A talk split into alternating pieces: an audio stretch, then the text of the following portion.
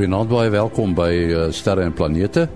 Ons uh, kuier vanaand saam met Wim Filmalter vir die uh, kamera en die teleskoop. Uh, jy onthou ons het so 'n maand gelede met hom gesels oor hoe mens sterre afneem met 'n uh, kamera. Dan is daar ook 'n gesprek met Kobus Olkers, ons sonweerkundige, ons ruimte weer weerkundige. En dan is Willie Koorts ook by ons vanaand. Hier volg ruimte nuus. Baie soos wat speurders vingerafdrukke bestudeer om skelms op te spoor, het die Hubble en Spitzer ruimteteleskope daarin geslaag om sogenaamde vingerafdrukke van water in die atmosfeer van 'n eksoplaneet te vind. Die planeet wat as WASP-39b bekend staan, is 700 ligjaar weg en het dieselfde massa as Saturnus. Groot hoeveelhede water is gevind, 3 keer soveel as by Saturnus. 'n Nuwe boortegniek is ontwikkel sodat die Marstuig Curiosity in 'n rots kon boor. Daar was aanvanklik probleme om die boor te aktiveer, aangesien die stabiliseerders van die boor nie wou werk nie. Tegnisi op aarde het die sogenaamde vryhandmetode ingespan om dit te laat werk. Die Marsboor kon dan in slag om 'n gat van 'n half sentimeter diep by die Orkadie meergebied te boor. Die materiaal wat versamel word, word deur wetenskaplike instrumente op Curiosity ontleed en die data word teruggestuur aarde toe. Tot sover ruimte nuus. Onthou as jy ons boeksterre en planete wil bestel, moet jy net SMS sterre sterre by 4119 4119. Ons het so 'n paar weke gelede gesels met uh, Wim Filmalter oor uh, fotografie. Uh, hoe mens uh, planete, sterre en voorwerpe in die lugruim afneem en hy het toe 'n paar interessante wenke gegee. Wim, miskien moet jy net uh, weer saamvat waaroor ons laas gepraat het en dan sê waaroor jy hierdie keer gaan praat. Goeienaand Henny en luisteraars. Die vorige keer het ons hoofsaaklik gepraat oor 'n langbeligting nagfotos waar 'n mens naglandskappe soos die Melkweg met 'n voorgrond of nie afneem. Uh dit is uh stilfotos met ander woorde om die meeste detail uit te kry om die sterre as stippeltjies uh op die foto weer te gee. Die manier wat ons dit gedoen het was maar 'n stewige driepoot, 'n DSLR kamera en dan uh die manier om dit te fokus het ons gekyk ons fokus op 'n helder ster. Ons zoom die lens wat ons gebruik in so ver as moontlik met ander woorde om die ster so naas moontlik te bring. Dan zoom ons met die elektroniese uh zoom agter op die kamera waarmee jy gewoonlik die uh, fotos vergroot zoom jy elektronies in en dan stel jy die fokus met die hand totdat daai helder ster die kleinste vertoon dan is jou kamera gefokus. Nou vanaand gaan ons praat oor sterstrepe, hierdie mooi ringe wat mens so afneem. En die fokusmetode bly presies dieselfde. Ons het nog steeds die kamera op 'n driepoot. Nou moet ons net seker maak ons batterye is vol gelaai of ons het dalk 'n eksterne kragbron wat ons kan gebruik want ons gaan nou die kamera vir baie lank gebruik. Nou daar's twee metodes om hierdie sterstrepe af te neem.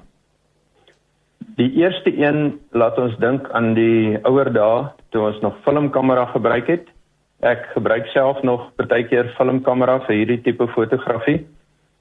Jy het die kamera op 'n driepoot gesit. Jy het 'n kabel gebruik waarmee jy die sluiter kon oophou. Die film wat jy gekry het was omtrent altyd 200 ASA. Dan het jy hom gestel op 'n F-waarde van 5.6 en jy het die sluiter gedruk en hom oopgelos solank as wat jy wil. Op die ouend het jy dan maar op film gekyk uh hoe die foto uitgekom het. Nou in ons nuwe DSLR wêreld uh is dit daarom bietjie anders, maar ons kan nog steeds die vinnige metode gebruik om dieselfde tipe foto te neem. Met ander woorde, ons kan 'n enkel foto neem vir 'n lang tyd om die sterstrepe te wys. En ons gaan gewoonlik 'n wye hoek lens op die kamera gebruik Maar as jy 'n zoom lens het en jy zoom in, uh dan geld die beginsels van die 500 reël nog steeds. Met ander woorde, hoe langer jou lens is, hoe vinniger begin jy sterstrepe kry. So jy kan met korter beligtings en 'n zoom lens kan jy al mooi sterstreep effekte kry. Ons stel die kamera op 'n e-waarde van 5.6. Die ISO moet ons so maksimum 800 gebruik en die interne geraasvermindering funksie van die kamera gaan ons aanskakel. Die fokus het ek reeds verduidelik is soos vir 'n stilfoto. En dan kan mens 'n uh, foto neem van so 30 sekondes na 'n minuut net om te toets of jou komposisie reg is. As jy tevrede is met die komposisie van die foto, dan stel jy die kamera op sy eie tydfunksie sommer vir 30 minute of tot 60 minute en jy gaan drink koffie. Dit is die hele proses. Die nadele van hierdie metode is dat jy gewoonlik redelik geraas kry. Dit is die greinerigheid op die foto omdat jy baie lang beligting gebruik en die sensor van die kamera vir 'n lang beligting word gewoonlik warm agtergrondlig of ligbesoedeling word ook versterk deur die lang beligting. So jy kry baie maklik dat die details van die foto uitgewas word deur die omgewingslig. Dan is daar die moontlikheid dat daar 'n ander bron van lig kan wees. Daar kan byvoorbeeld 'n voertuig in jou gesigsveld beweeg wat uh sy lig op uh, een of ander voorwerp skyn wat dalk kan mooi wees, maar hy kan dit in die rigting van die kamera skyn en dit kan die hele uh, enkel foto verongeluk. En dan een van die groot probleme ook met hierdie langbeligtingsfoto's is dou. Veral met 'n wye hoek lens uh het jy nie die uh, fasiliteit dat jy 'n uh, lens skerm kan gebruik nie want die skerm sal die die wye hoek afsny. So hy is oop en in 'n klam omgewing gaan jy redelik vinnig dou op die lens kry. Wim, uh, ek is uh, geïnteresseerd in uh, in die battery.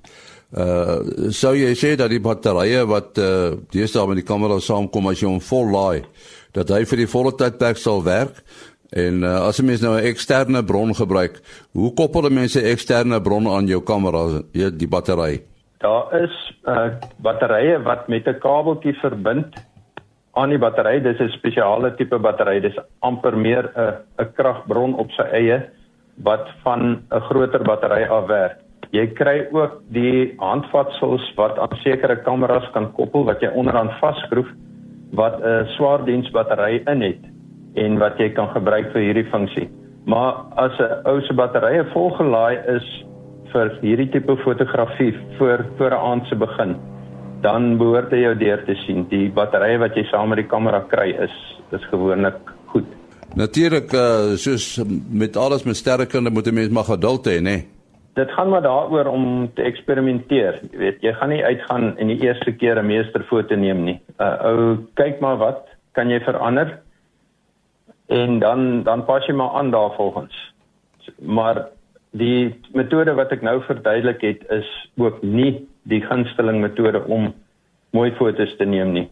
Die die tweede metode wat ek nou gaan verduidelik is eintlik die die beter ene. Maar hy bietjie meer uh funksies wat 'n ou na moet kyk. So hy's nie so maklik soos die eerste een nie. Nou maar goed dat ons hoor. Goed, met die tweede metode neem jy 'n hele reeks korter fotos wat agterna geheg word om vir jou die strepe effek te gee.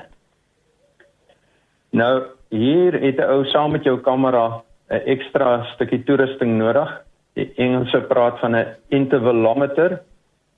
Uh dit is 'n intervalmeter. Die ding is draadloos verbind aan die kamera. Jy stel hom uh vir die tyd wat die fotos uh moet afneem en vir die interval waarop hy moet afneem. Daar's ook baie van die moderne kameras wat self so ingeboude funksie het. So jy kan die kamera ook stel om op een volgende fotos te neem.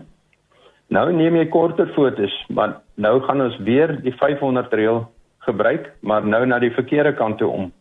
Ons is gewoond die 500 reël sê jy deel 500 deur die lengte van die lens wat jy gebruik. Met ander woorde, as jy net maar 'n 50 mm lens gebruik, jy deel 500 deur 50, dan is 10 sekondes die maksimum tyd wat jy kan neem om nie strepe te kry nie. Dis nou as jy wil stil ster fotos neem. Maar nou wil jy spesifiek streepies hê.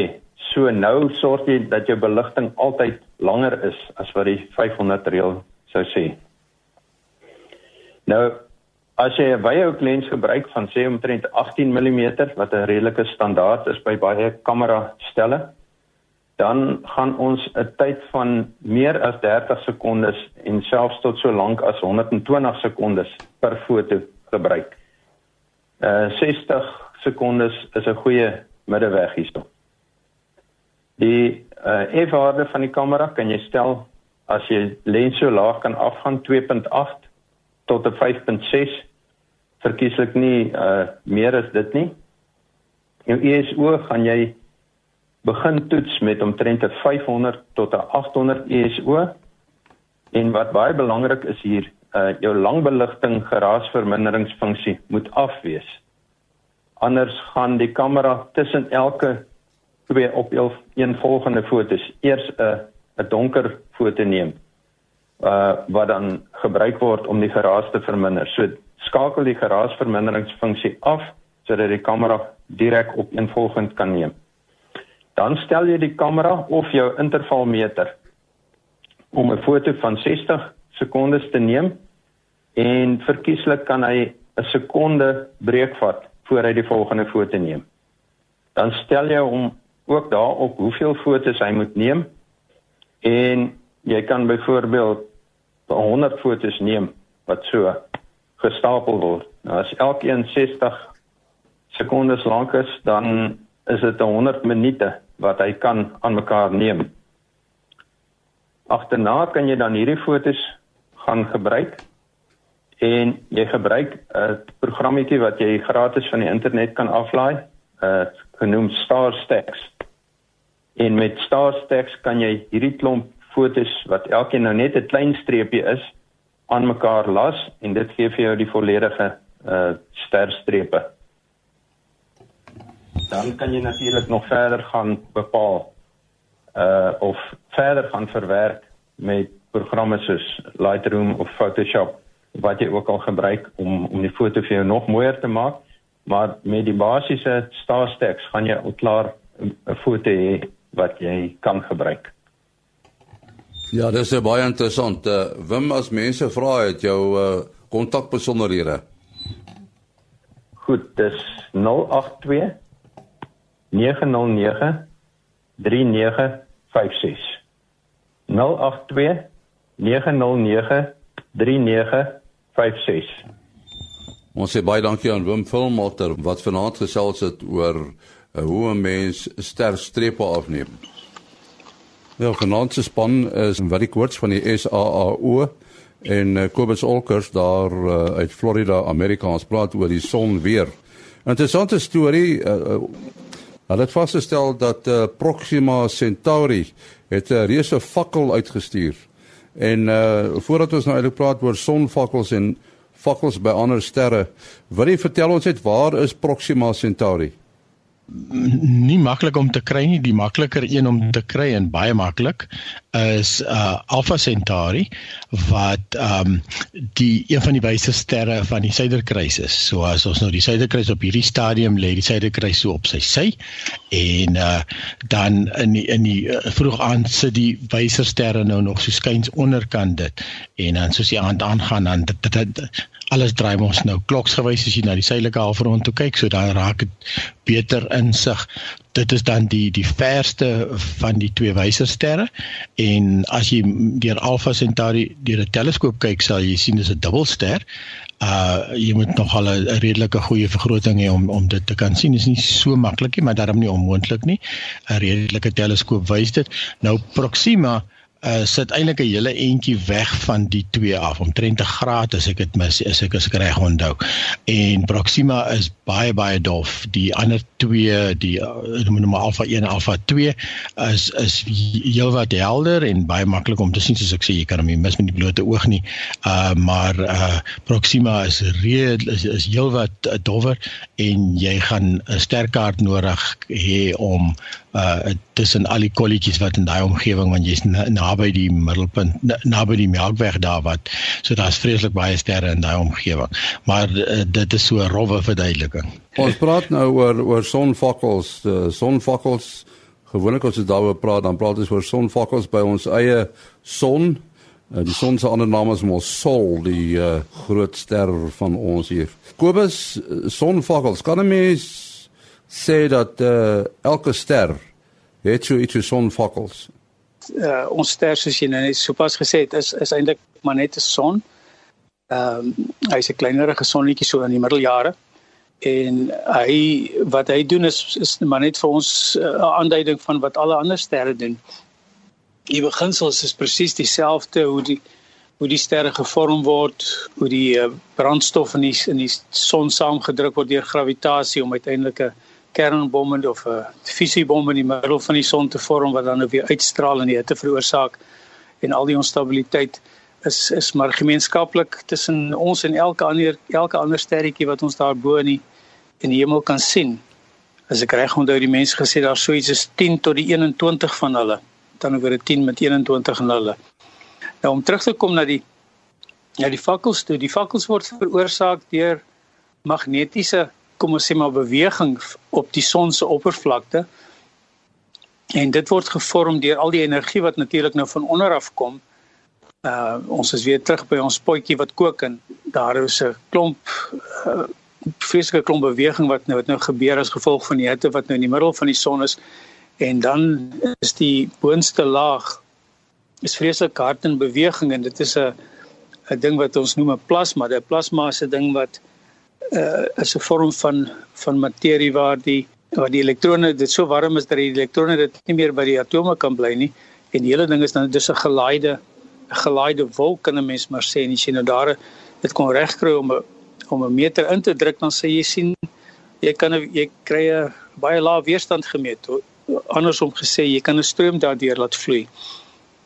En as iemand nou ooit enige avontuurlik is en hulle agterkom dat 'n vlam is ook 'n plasma en 'n mens kan eintlik 'n vlam se weerstand meet as jy so 'n bietjie uh, uh, moeite doen.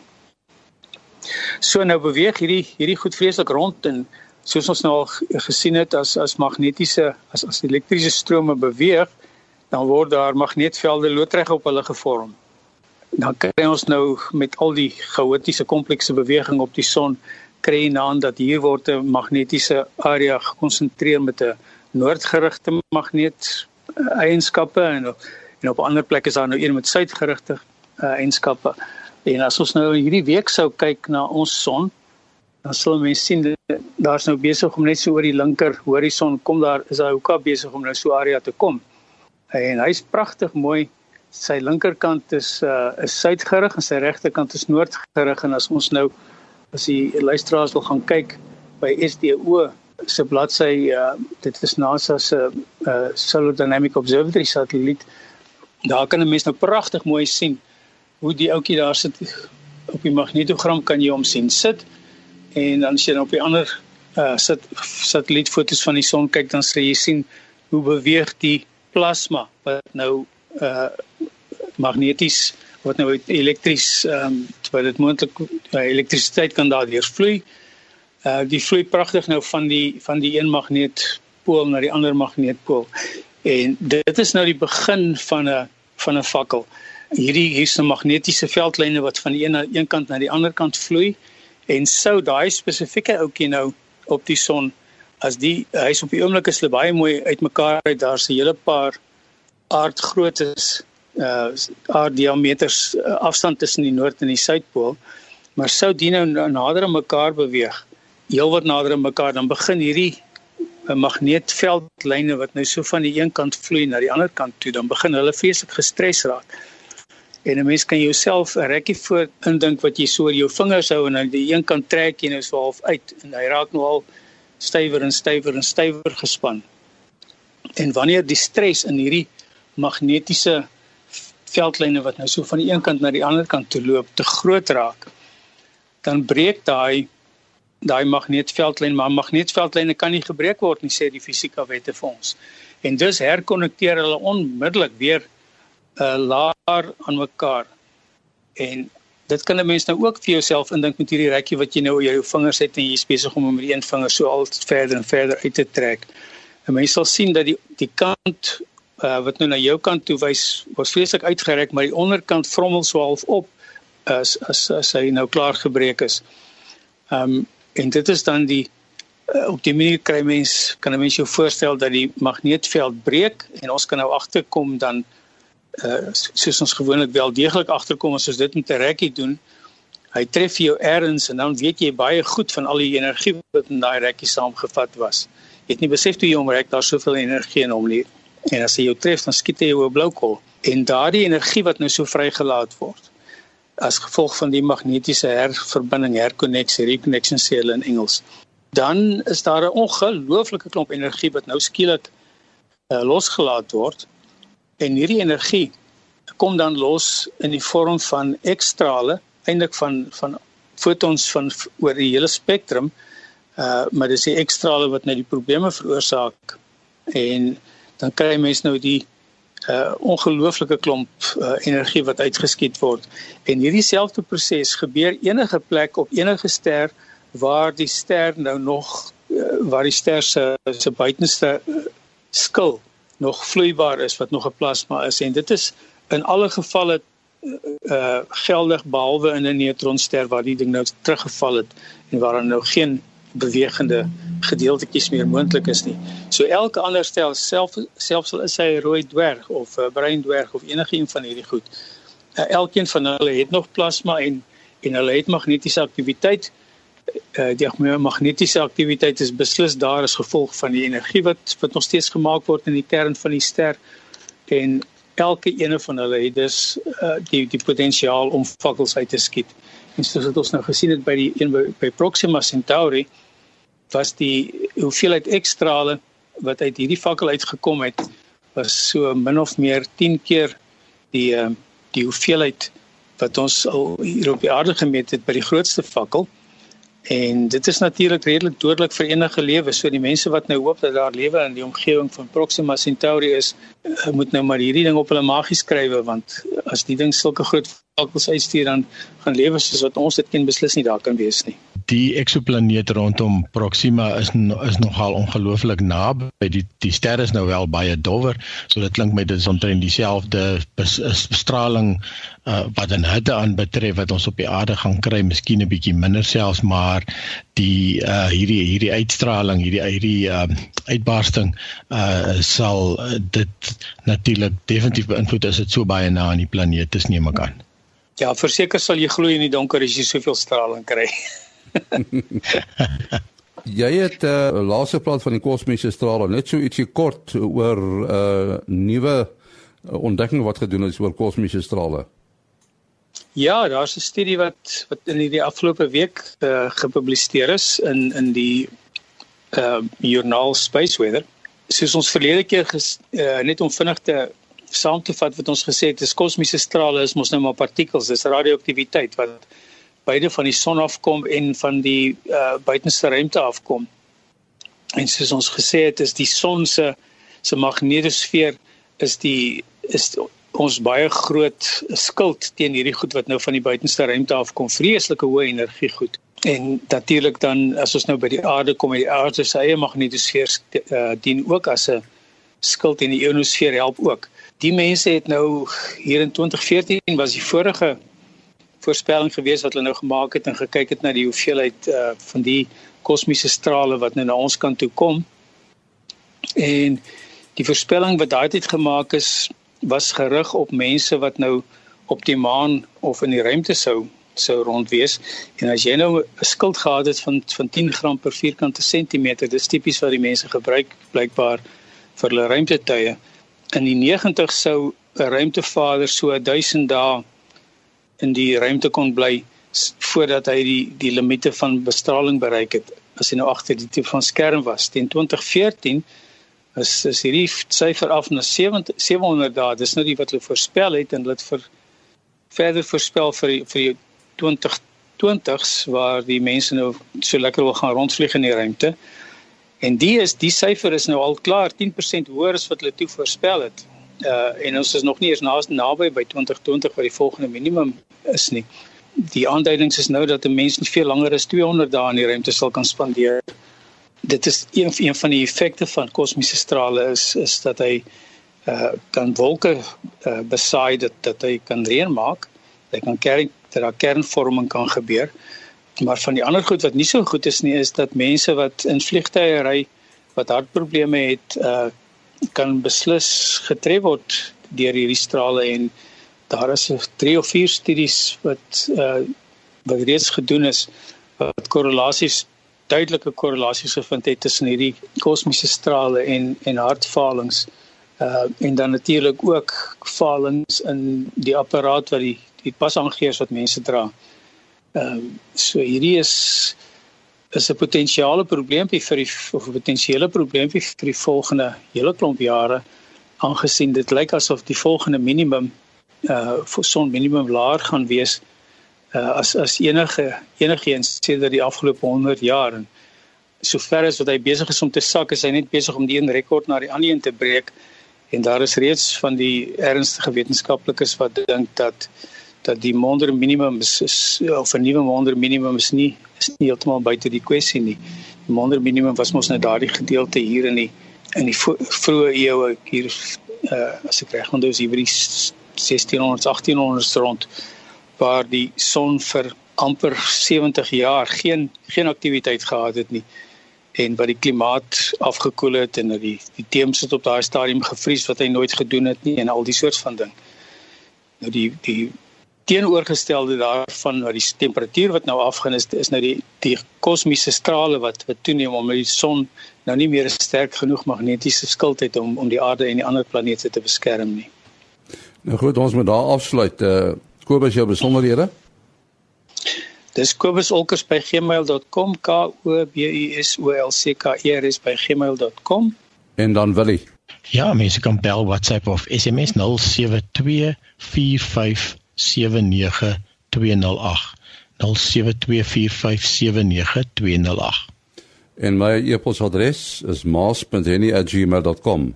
maas.henny@gmail.com. Tot volgende keer. Mooi loop.